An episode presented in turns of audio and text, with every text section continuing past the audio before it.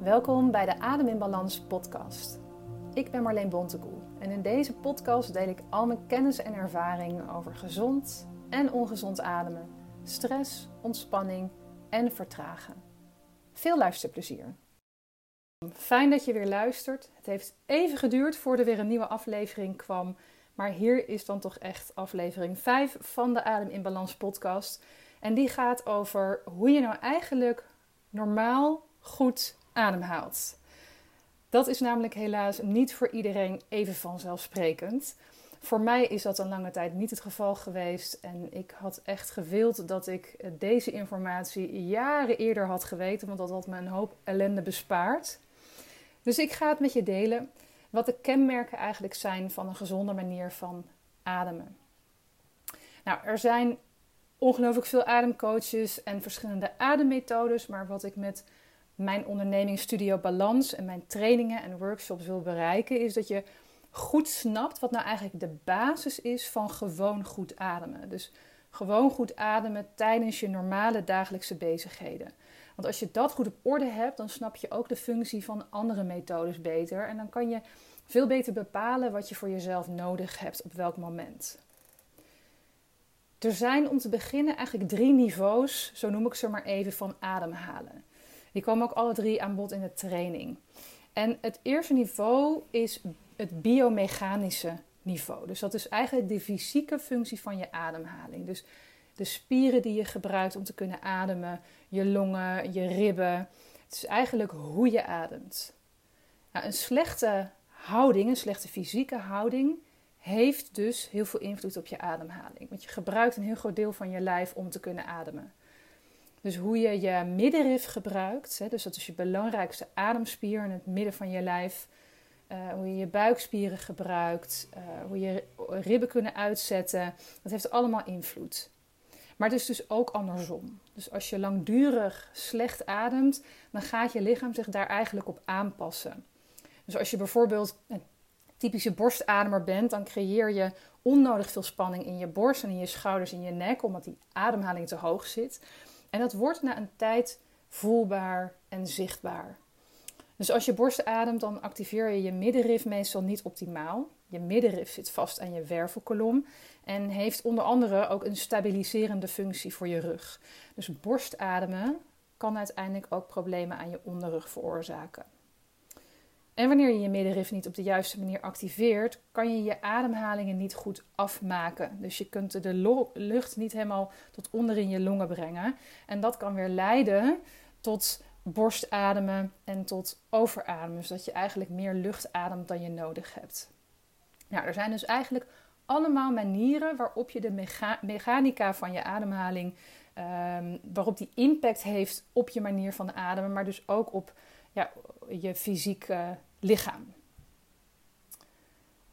Een ander niveau van ademhalen is uh, psychologische niveau. Dus de relatie eigenlijk tussen stress en ademhalingen.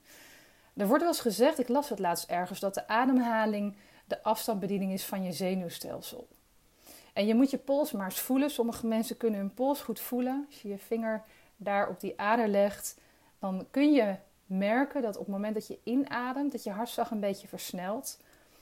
En als je uitademt, juist vertraagt. En dus inademen is actief, uitademing is uh, ontspannen.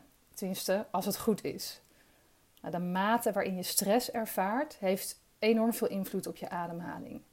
En omdat we tegenwoordig zoveel prikkels te verwerken hebben, ervaren we eigenlijk vaker stress dan nodig.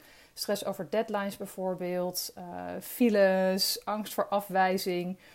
En we zijn in die situaties dan niet werkelijk in gevaar, maar ons lichaam reageert wel zo. Nou, en het is dus zo dat je lichaam dan eigenlijk in een vecht- of vluchtmodus komt. En daar gaat je ademhaling zich op aanpassen. En dit kan dus zelfs gebeuren als je iets doet of ervaart wat je eigenlijk heel leuk vindt. Dus bijvoorbeeld als je heel actief aan het sporten bent of je geniet van een gezellig etentje. En zelfs als je verliefd bent. Het is allemaal gezond voor je, maar omdat dat sympathische deel van het zenuwstelsel, dat is eigenlijk een soort van je gaspedaal, die wordt op dat moment uh, geactiveerd. En dan kan je lichaam dat dus nog steeds als een soort stress ervaren, omdat je nog steeds aanstaat. En dit is wat er heel vaak gebeurt: dat mensen eigenlijk niet weten hoe ze e- echt moeten ontspannen, hoe ze hun lichaam echt rust moeten geven, omdat ze in de ontspannen momenten eigenlijk nog steeds aanstaan. Nou, ik zei net al even, dus als je stress ervaart, wordt je sympathische zenuwstelsel geactiveerd en dan stijgen de stresshormonen adrenaline en cortisol en onze ademhaling versnelt dan. En uit onderzoek blijkt ook dat dat overademen, dus het versnellen van die ademhaling en ook dus dat je dus dan meer lucht ademt, uh, dat zorgt ervoor dat de adrenaline stijgt met wel 360 nou, dit zorgt ervoor dat je te veel koolstofdioxide verliest en die lage koolstofdioxide niveaus die zorgen weer voor stress. Deels omdat daardoor je lichaam niet genoeg zuurstof krijgt, want je lijf heeft zuurstof nodig om koolstofdioxide uh, sorry, koolstofdioxide nodig om zuurstof te kunnen opnemen. Maar ook deels omdat luchtwegen en bloedvaten vernauwen daardoor, door dat verlies aan koolstofdioxide. En daardoor uh, wordt de uitwisseling tussen zuurstof en koolstofdioxide beperkt. Nou, zo kun je eigenlijk in een visuele cirkel terechtkomen waarbij adrenaline en overademen elkaar versterken. En dan leer je dus een ongezond adempatroon aan. Omgekeerd kunnen ongezonde ademgewoontes ook stress geven. Dus overadem alleen al, hè, dus veel door je mond of veel hijgen of veel zwaar ademen, dat brengt je lichaam eigenlijk automatisch in een soort vecht- of vluchtmodus. Dus ook als je zelf misschien niet heel bewust stress ervaart. En omdat je dus dan sneller ademt dan nodig is, eh, geef je je lichaam eigenlijk het signaal dat het zich moet voorbereiden op vechten of vluchten. Om niet uitgeput te raken hebben we dus eigenlijk allemaal een balans nodig. Dus een balans tussen actie en rust. En hoe meer je vertraagt, hoe rustiger je praat, beweegt, hoe meer je bewust uh, licht en ritmisch ademt en hoe meer het parasympathische deel van je zenuwstelsel actief is, dus uh, dat is je gaspedaal eigenlijk, hoe minder stress je zult ervaren. Ik moet er wel bij zeggen dat mijn ademtraining, dat ik, dat ik het afraad aan mensen die echt hele erge stress, paniek of angst ervaren. Uh, als je midden in een enorme burn-out zit of nou, je komt bijna te huis niet uit door alle paniek die je ervaart, dan dan denk ik dat de ademtraining, uh, in ieder geval de methodes die ik gebruik, uh, misschien niet geschikt zijn. Uh, ademtraining kan er absoluut ondersteunend aan zijn hè, bij het verhelpen van die klachten, maar het is vaak niet de oplossing. Dus omdat dan de oorzaak van de stress niet aangepakt wordt. Dus je kunt prima je ademtraining, en dat zal misschien wel helpen de klachten wat te verminderen, maar het zal het niet volledig oplossen. En daarnaast kan het hertrainen van je adem ook best intensief zijn. Dus, en dat is voor mensen met erge stress toch vaak nog te veel, hoe mild we de oefeningen ook maken. Dus chronische hyperventilatie is een gevolg van stress en die kan die stress in stand houden. Maar mijn training is dus niet een anti-stress training. Dus het is altijd heel erg belangrijk als je klachten ervaart die je herkent als chronische hyperventilatie, dat je altijd goed nadenkt over wat de oorzaak is van hoe dat is ontstaan. Heel vaak ontstaan ademproblemen namelijk door een specifieke periode van stress die eigenlijk net te lang heeft geduurd, waardoor je dus chronische hyperventilatieklachten hebt gekregen. En op het moment dat die periode van de ergste stress voorbij is, dan kan je dus klachten overhouden die je heel goed kan hertrainen met bijvoorbeeld de training Adem in Balans. op het moment dat je er nog middenin zit, kan het ondersteunend helpen, maar zal het niet de oplossing zijn voor het probleem, want daar heb je dan de oorzaak van de stress uh, aan te pakken.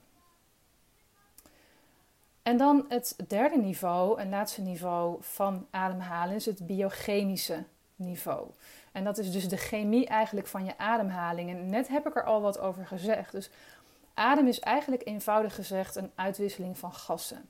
Dus op je inademing haal je uh, zuurstof uit de lucht en op de uitademing adem je koolstofdioxide en allerlei afvalstoffen uit. Nou wordt er dus heel vaak gedacht dat koolstofdioxide daardoor alleen maar een afvalproduct is. Maar ik noemde net al even dat koolstofdioxide juist heel belangrijk is voor je lichaam om die zuurstof af te kunnen geven aan de cellen. Eigenlijk is ademen stiekem best wel complex, maar uh, wat heel belangrijk is om te onthouden is dat je zonder koolstofdioxide geen zuurstof op kan nemen. Nou, als je te veel lucht ademt, dus dat is, dat is het probleem van eigenlijk achter de meeste ademproblemen. En zeker um, kenmerkend aan chronische hyperventilatie, dan adem je meer lucht dan wat je lichaam eigenlijk nodig heeft. En dit is sowieso een beetje een misvatting. We denken vaak dat we heel veel lucht nodig hebben voor meer zuurstof.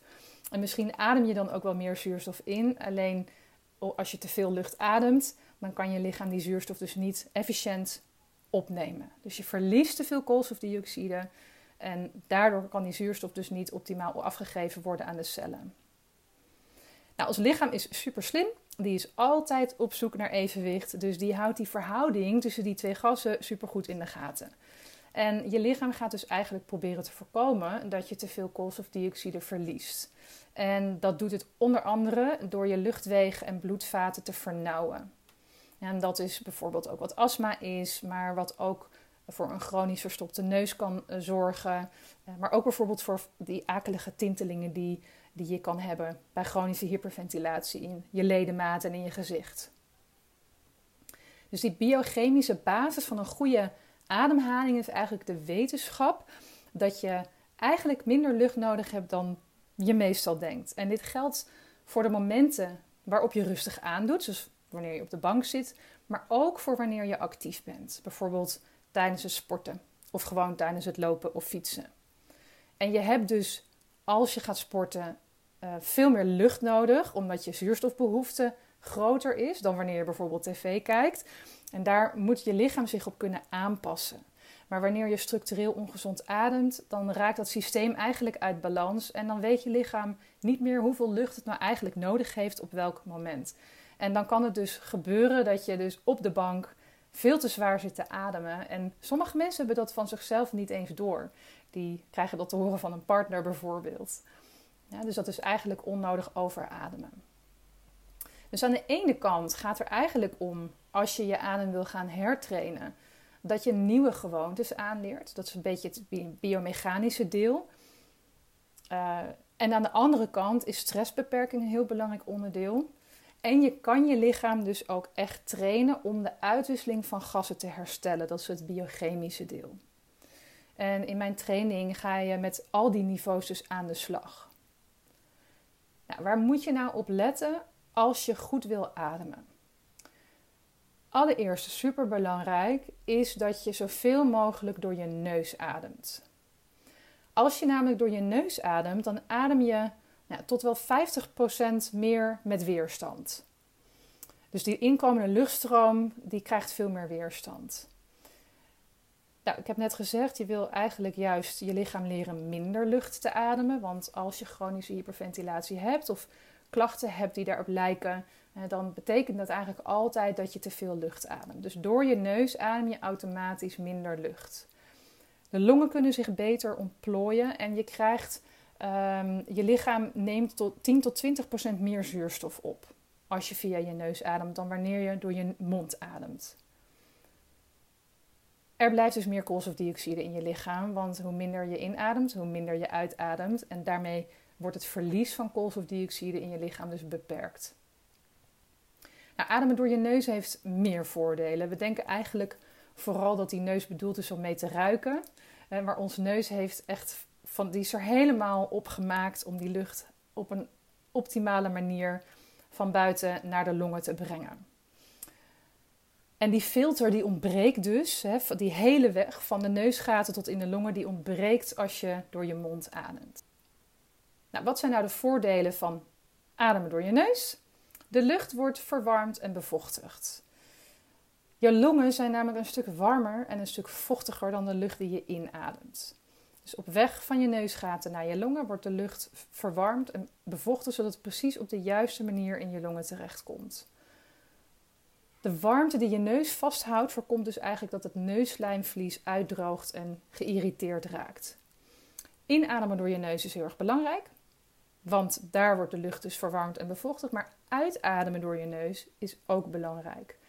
Wanneer je namelijk door je mond uitademt, verlies je niet alleen meer koolstofdioxide, maar uit onderzoek blijkt ook dat je 42% meer vocht verliest dan wanneer je door je neus uitademt. Op het moment dat je zoveel vocht verliest, dan verdampt je speeksel eigenlijk en dat leidt tot een droge mond. Dus als jij weet van jezelf dat je vaak een droge mond hebt, dan kan het dus betekenen dat je te vaak door je mond ademt. Nou, Zo'n droge mond draagt weer bij aan verzuring en dit kan zelfs serieuze problemen in je mond uh, opleveren. Dus bijvoorbeeld als je vaak gaatjes hebt of regelmatig ontstoken tandvlees hebt, kan met mondademen te maken hebben. Nou, als je actief aan ontspanning doet of je gaat regelmatig naar yoga, dan heb je waarschijnlijk geleerd dat je daar door je neus moet inademen en door je mond uit.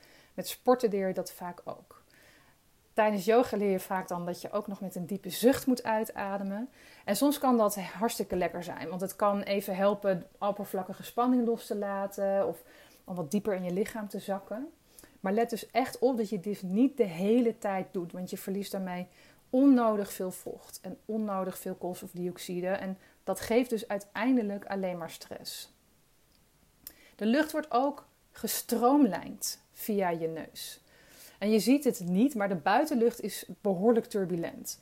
En in je neus wordt de lucht als het ware eigenlijk gestroomlijnd door een aantal, ja, het zijn turbines die in je holtes lopen, zodat het dus door die gestroomlijnde lucht dieper in je longen kan komen. Wanneer je door je mond ademt, adem je dus eigenlijk meer lucht in en je ademt vaak ook sneller. En dat zorgt ervoor dat de lucht in verschillende richtingen gaat ronddraaien in je longen en daardoor ook niet diep genoeg in je longen terecht kan komen. Dus het blijft eigenlijk een beetje boven in je longen alle kanten op gaan. Uh, via je neus um, ademen zorgt er ook voor dat je luchtwegen geopend worden. In je neus wordt de lucht namelijk vermengd met een ander gas, stikstofoxide. En dit is een heel wonderbaarlijk stofje. Uh, het is namelijk antischimmel, uh, het is antiviraal, antibacterieel. Dus het opent je luchtwegen en het filtert de lucht voordat het naar je longen gaat. Dus je hebt de haartjes in je neus die al een eerste filter zijn, maar daarna is het dus stikstofoxide die filtert. Het stikstofoxide uh, wordt dus alleen in de neusholte aangemaakt, niet op een andere plek in je lichaam. En die wordt via de inademing door je neus naar de onderste luchtwegen en longen getransporteerd. En stikstofoxide verwijt daarbij de bloedvaten en alle luchtdoorgangen in je longen. Dus je lichaam wordt eigenlijk op die manier beter van zuurstof voorzien. Dus, en door je neus ademen is dus echt de enige manier om dit gas in je longen en bloedvaten te krijgen. Omdat het dus alleen in je neusholte geproduceerd wordt. Nou, nog een aantal gezondheidsvoordelen van stikstofoxide. Het helpt een hoge bloeddruk voorkomen. Het helpt cholesterol te verlagen. Uh, het helpt je vaten jong en flexibel te houden. Het kan uh, dichtslippen van vaten voorkomen. En het kan uh, helpen je immuunsysteem te versterken. Adem dus zoveel mogelijk door je neus. Dus het verwarmt en bevochtigt de lucht. Het, de lucht wordt gestroomlijnd. Het opent je luchtwegen. Het vermengt de lucht met stikstofoxide. En je ademt met meer weerstand, wat de zuurstofopname op celniveau verbetert. Dus er, is echt een er zijn echt een heleboel redenen waarom je jezelf dat wil gaan aanleren. En dat wil je niet alleen doen als je in rust op de bank zit, maar ook wanneer je op de fiets zit of wanneer je aan het sporten bent zelfs. En dat kan in het begin heel moeilijk zijn, omdat als je dat niet gewend bent, dan gaat je neus daarop reageren. Ik heb in het begin, ik vertel het altijd, moest ik echt overal zakdoekjes mee naartoe nemen om constant mijn luchtwegen vrij te maken. Maar op het moment voor je neus geldt echt lose it or use, of use it or lose it. Dus op het moment dat je daar doorheen komt, dan gaat dat eigenlijk heel makkelijk vanzelf. En dan kun je er dus ook echt, vooral tijdens beweging, heel veel voordelen van ervaren. Betekent vaak wel, uh, zeker dus in beweging als je actief bent, dat je eerst een stapje terug moet doen. Dat je je tempo iets moet verlagen. Uh, nou ja, zakdoekjes dus mee en vanaf daar weer verder opbouwen. Maar het is dus echt heel goed te trainen. Daarnaast is het heel erg belangrijk dat je je middenrif goed gaat gebruiken. Dus om te kunnen ademen gebruiken we een aantal spieren, best wel veel. En die kunnen we eigenlijk een beetje groeperen in primaire en secundaire ademspieren.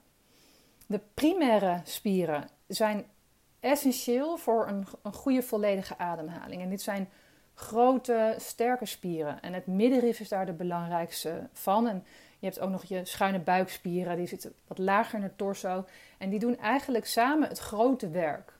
Dus ze komen dagelijks wel meer dan 22.000 keer in actie. En ik noem die spieren ook wel de marathonlopers. De secundaire ademspieren die zijn eigenlijk ondersteunend aan die primaire spieren en die zitten vaak wat hoger in ons lichaam. Uh, met name in de borst en in de hals zijn ook wat kleiner. Zijn dus ondersteunend, maar ze kunnen heel sterk zijn wanneer het nodig is. En ik noem dat ook wel de sprinters. Nou, in een optimale situatie doen die primaire spieren ongeveer 80% van het werk en de secundaire ademspieren ongeveer 20% van het werk.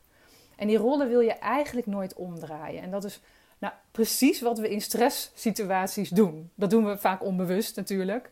dus we gebruiken dan de spieren in onze borst en onze hals als primaire ademspieren, maar daar zijn ze dus niet voor bedoeld.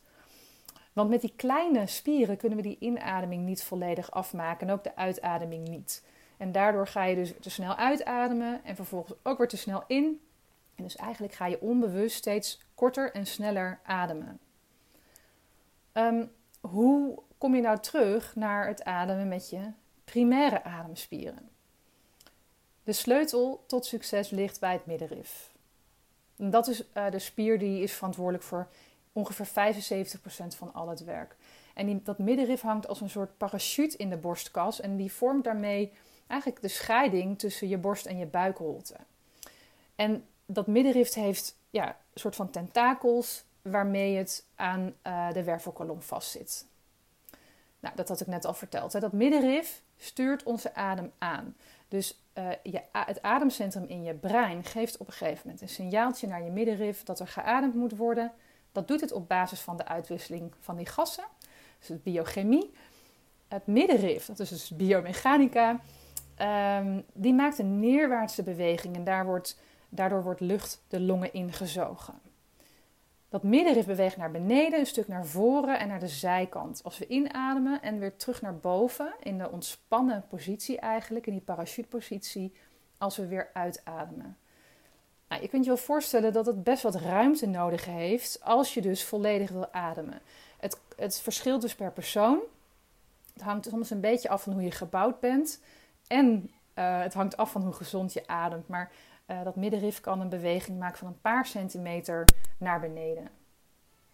Nou, als je dus heel veel stress hebt of je houdt constant je buik in uh, en je, je spant het bekken en je buikspieren aan, dan krijgt het middenrif eigenlijk niet genoeg ruimte voor een volledige ademhaling. En dit gebeurt trouwens ook als je heel vaak hele strakke broeken draagt of een hele strakke BH. En dus dat kan echt een vrije manier van ademen belemmeren. Dus als je uh, je middenrif op de juiste manier leert activeren, dus dat, dat dat middenrif de volledige beweging naar beneden kan maken, dus dat is ademruimte voor je lichaam, voor je middenrif, maar dus ook dat, dat je je middenrif traint, want soms is dat echt nodig om die beweging, om sterk genoeg te zijn om die beweging weer volledig te kunnen maken, dan zorgt dat voor een efficiëntere gasuitwisseling in je longen.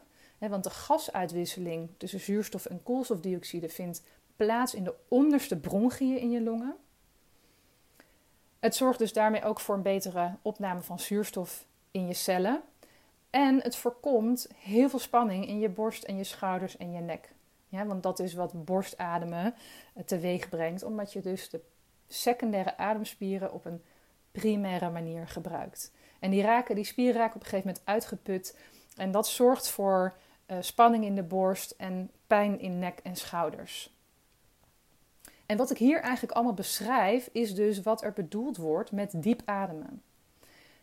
Heel belangrijk om je te realiseren is dat diep ademen niet hetzelfde is als groot ademen. Dit is echt een hele grote misvatting als het gaat om diep ademen. Wat er met diep ademen wordt bedoeld, is dat je je longen dus onderin vult met, met lucht. Dus daar waar uh, de, de, de meest efficiënte uh, uitwisseling van gassen plaatsvindt. Maar je wil dus niet te veel lucht ademen. Want dat zorgt er dus op termijn weer voor dat je gaat overademen en dat je juist weer te veel koolstofdioxide verliest. Groot ademen is wanneer je zwaar en hoorbaar hele grote ademteugen neemt. Dus we denken dan dat we diep ademen, maar eigenlijk ademen we vooral groot. En die grote ademteugen, die vinden juist vaak meer bovenin plaats. Dus bij je in, ja, ongeveer ter hoogte van je borst. Dus als je nu even een hele diepe ademteug neemt, dan is de kans heel groot dat die lucht helemaal niet tot onder in je longen komt, maar boven in je borst blijft hangen. Dus je denkt dat je diep ademt, maar eigenlijk adem je alleen maar groot. En dat brengt me eigenlijk meteen op het volgende punt, op het volgende kenmerk van goed ademen. En dus, dat is dat een goede ademhaling licht is. Licht en zacht eigenlijk ook. En dit is echt een hele belangrijke. Nou ze zijn allemaal belangrijk. Maar ik hoor dit heel vaak misgaan. En ik hoor dit heel vaak misgaan in mijn yogalessen. En mensen die super zwaar ademen tijdens de les. Zelfs tijdens de meer passieve vormen van yoga, zoals bijvoorbeeld yin yoga wat ik geef. En dan denken we vaak dat we het goed doen als we maar heel veel zuchten en ademen en steunen en uitblazen door de mond. En het is echt heel jammer dat we denken dat dat de juiste manier is, want eigenlijk maak je je het zelf daarmee gewoon alleen maar onnodig zwaar. Want als je zo zwaar ademt, dan adem je automatisch te veel lucht, waardoor je dus weer te veel koolstofdioxide verliest. Als je licht ademt, dan adem je juist automatisch minder lucht en je ademt ook langzamer. Nou, daarmee blijft er dus meer koolstofdioxide in je lichaam, kan de lucht efficiënter onder in je longen komen en optimaliseer je de bloedcirculatie naar je brein. Dus dat heeft ongelooflijk veel voordelen. En je moet het eigenlijk een beetje zien als een, als een waterslang, als een tuinslang. Als je daar te veel water tegelijk doorheen probeert te persen, dan ontstaat er op een gegeven moment een blokkade. Ja, dan kan het niet meer doorstromen. Op het moment dat je juist een hele constante, rustige stroom water, niet te veel, doorheen laat gaan, dan kan het veel makkelijker doorstromen. En dit is dus ook hoe het werkt met je luchtwegen. We hebben sowieso veel minder lucht nodig dan we denken. En het is dus ook eigenlijk veel meer ontspannen en veel beter voor je om die ademhaling juist licht te maken en zacht. En je wil dat je ademhaling vloeiend is. Eigenlijk moet er altijd een bepaald ritme in je ademhaling zitten. En dat is soms lastig, zeker op het moment dat je bijvoorbeeld heel veel praat, zoals ik nu, of uh, heel actief bent. dan, dan is het moeilijk om heel uh, vloeiend en ritmisch te ademen. En dit is ook iets wat je heel goed kunt trainen, net als alle andere kenmerken die ik hier heb besproken. Waarom het nou zo belangrijk is dat je vloeiend ademt, is omdat alle processen in ons lichaam hebben invloed op elkaar. Dus eh, zeg maar, al onze organen werken als soort van radars, radars in, een, in een klok, in een ouderwetse klok. En als ergens een radartje blokkeert, slecht loopt, dan gaan eigenlijk alle andere radartjes ook moeilijker lopen. Of ze gaan heel erg compenseren. Nou, omdat zuurstof de brandstof is voor je cellen, dus we hebben zuurstof nodig omdat onze cellen brandstof nodig hebben, heeft ademen direct en soms ook indirect invloed op al die processen en organen in ons lichaam. Dus je hart, je brein, uh, je immuunsysteem, je verteringsstelsel, je hele energieproductie, alles afhankelijk van jouw manier van ademen. Je adem dus ritmischer maken, vloeiender en meer ontspannen, uh, verbetert al die verschillende processen die in ons lichaam samenwerken. Een vloeiend ademen heeft dus nogal wat voordelen. Dus als je ononderbroken ademt, kan die ingeademde lucht makkelijker de onderkant van je longen bereiken. Nou, we weten inmiddels dat daar de meest efficiënte uitwisseling tussen de gassen plaatsvindt. Je lichaam hoeft daar niets meer te compenseren. Je ademt dieper, niet groter, maar dieper. En je beperkt de overbelasting van die secundaire ademspieren. Dus je gaat ook veel meer ontspannen ademen en je zult dan ook veel minder last hebben van een stijve nek en hoofdpijn. Nou, wat heel veel mensen wel herkennen is ehm, dat ze hun adem eigenlijk onbewust vasthouden. Dat gebeurt vaak bij concentratie of bij hele stressvolle situaties. Hè.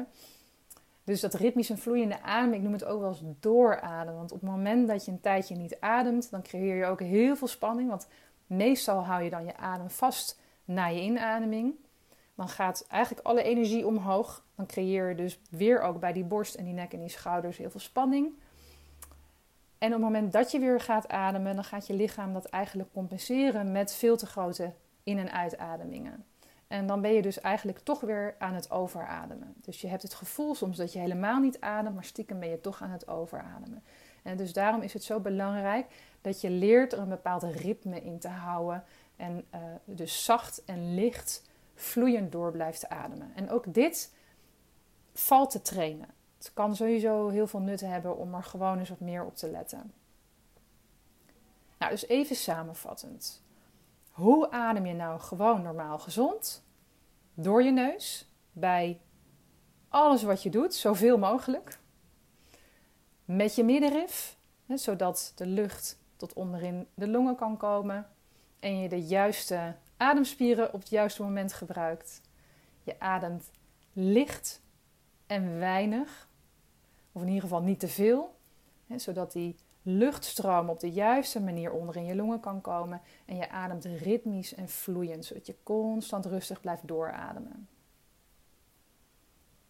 Nou, ik wil je graag uitnodigen natuurlijk om hier eens mee te gaan oefenen. Sowieso is het heel erg interessant om je eigen ademgewoontes dus een tijdje te observeren op verschillende momenten. Dus te kijken wat er nou eigenlijk gebeurt op het moment dat je op de bank zit, of op het moment dat je in de file staat, of op het moment dat je achter het aanrecht staat. Ehm, en eens te observeren hoe je ademhaling zich aanpast aan jouw activiteiten. En wil je meer weten hierover? Nou, via mijn website kan je gratis het webinar Adem in Balans kijken. Je kunt natuurlijk ook meedoen aan een van de live workshops die ik geef in Hilversum. Ik zal even een linkje naar mijn website plaatsen, ehm, zodat je kunt zien wanneer die aangeboden worden. En je kan natuurlijk ook de training gaan volgen als je echt het gevoel hebt dat er bij jou werk aan de winkel is. Die training kan je online volgen, helemaal in je eigen tempo. En heel af en toe bied ik hem ook offline aan. In dit geval in Hilversum. Um, nou, wat eigenlijk waar het op neerkomt, is dat je in 10 weken al die stappen door gaat lopen om nieuwe gewoontes aan te leren. Dus je leert het fysieke deel, maar ook dat meer biochemische deel, waarmee je dus eigenlijk je hele ademsysteem herstelt. Voor die online training kan je ook nog kiezen tussen een aantal varianten. Je kan een light variant doen, die doe je gewoon helemaal op jezelf. Je eh, kan een standaard variant doen en daar krijg je dan elke maand een live QA sessie uh, via Zoom bij. En um, daar kun je dan al je vragen stellen. En dat kan ook heel fijn zijn voor de motivatie en inspiratie. En dan is er nog een VIP-variant, zo heb ik het maar genoemd, want daar krijg je twee één op één sessies uh, met mij bij. En dan kunnen we in die sessies wat dieper ingaan op uh, jouw persoonlijke situatie. Nou, mocht je besluiten dat je de training wil doen en je kiest voor een light of de standaard variant, dan ben je, kan je altijd nog een sessie extra bijboeken. In de training, je hebt meerdere modules uh, waar je dan doorheen loopt. Je krijgt na elke module heb je een werkboek. Um, de modules zijn allemaal op video. Je krijgt de oefeningen op audio. Uh, nou ja, ik maak het je eigenlijk zo makkelijk mogelijk om, uh, om daar dus ook als je niet voor persoonlijke begeleiding kiest, dan ben ik er toch een beetje bij om je er helemaal doorheen te leiden. Super fijn dat je weer luisterde en heel graag tot de volgende keer.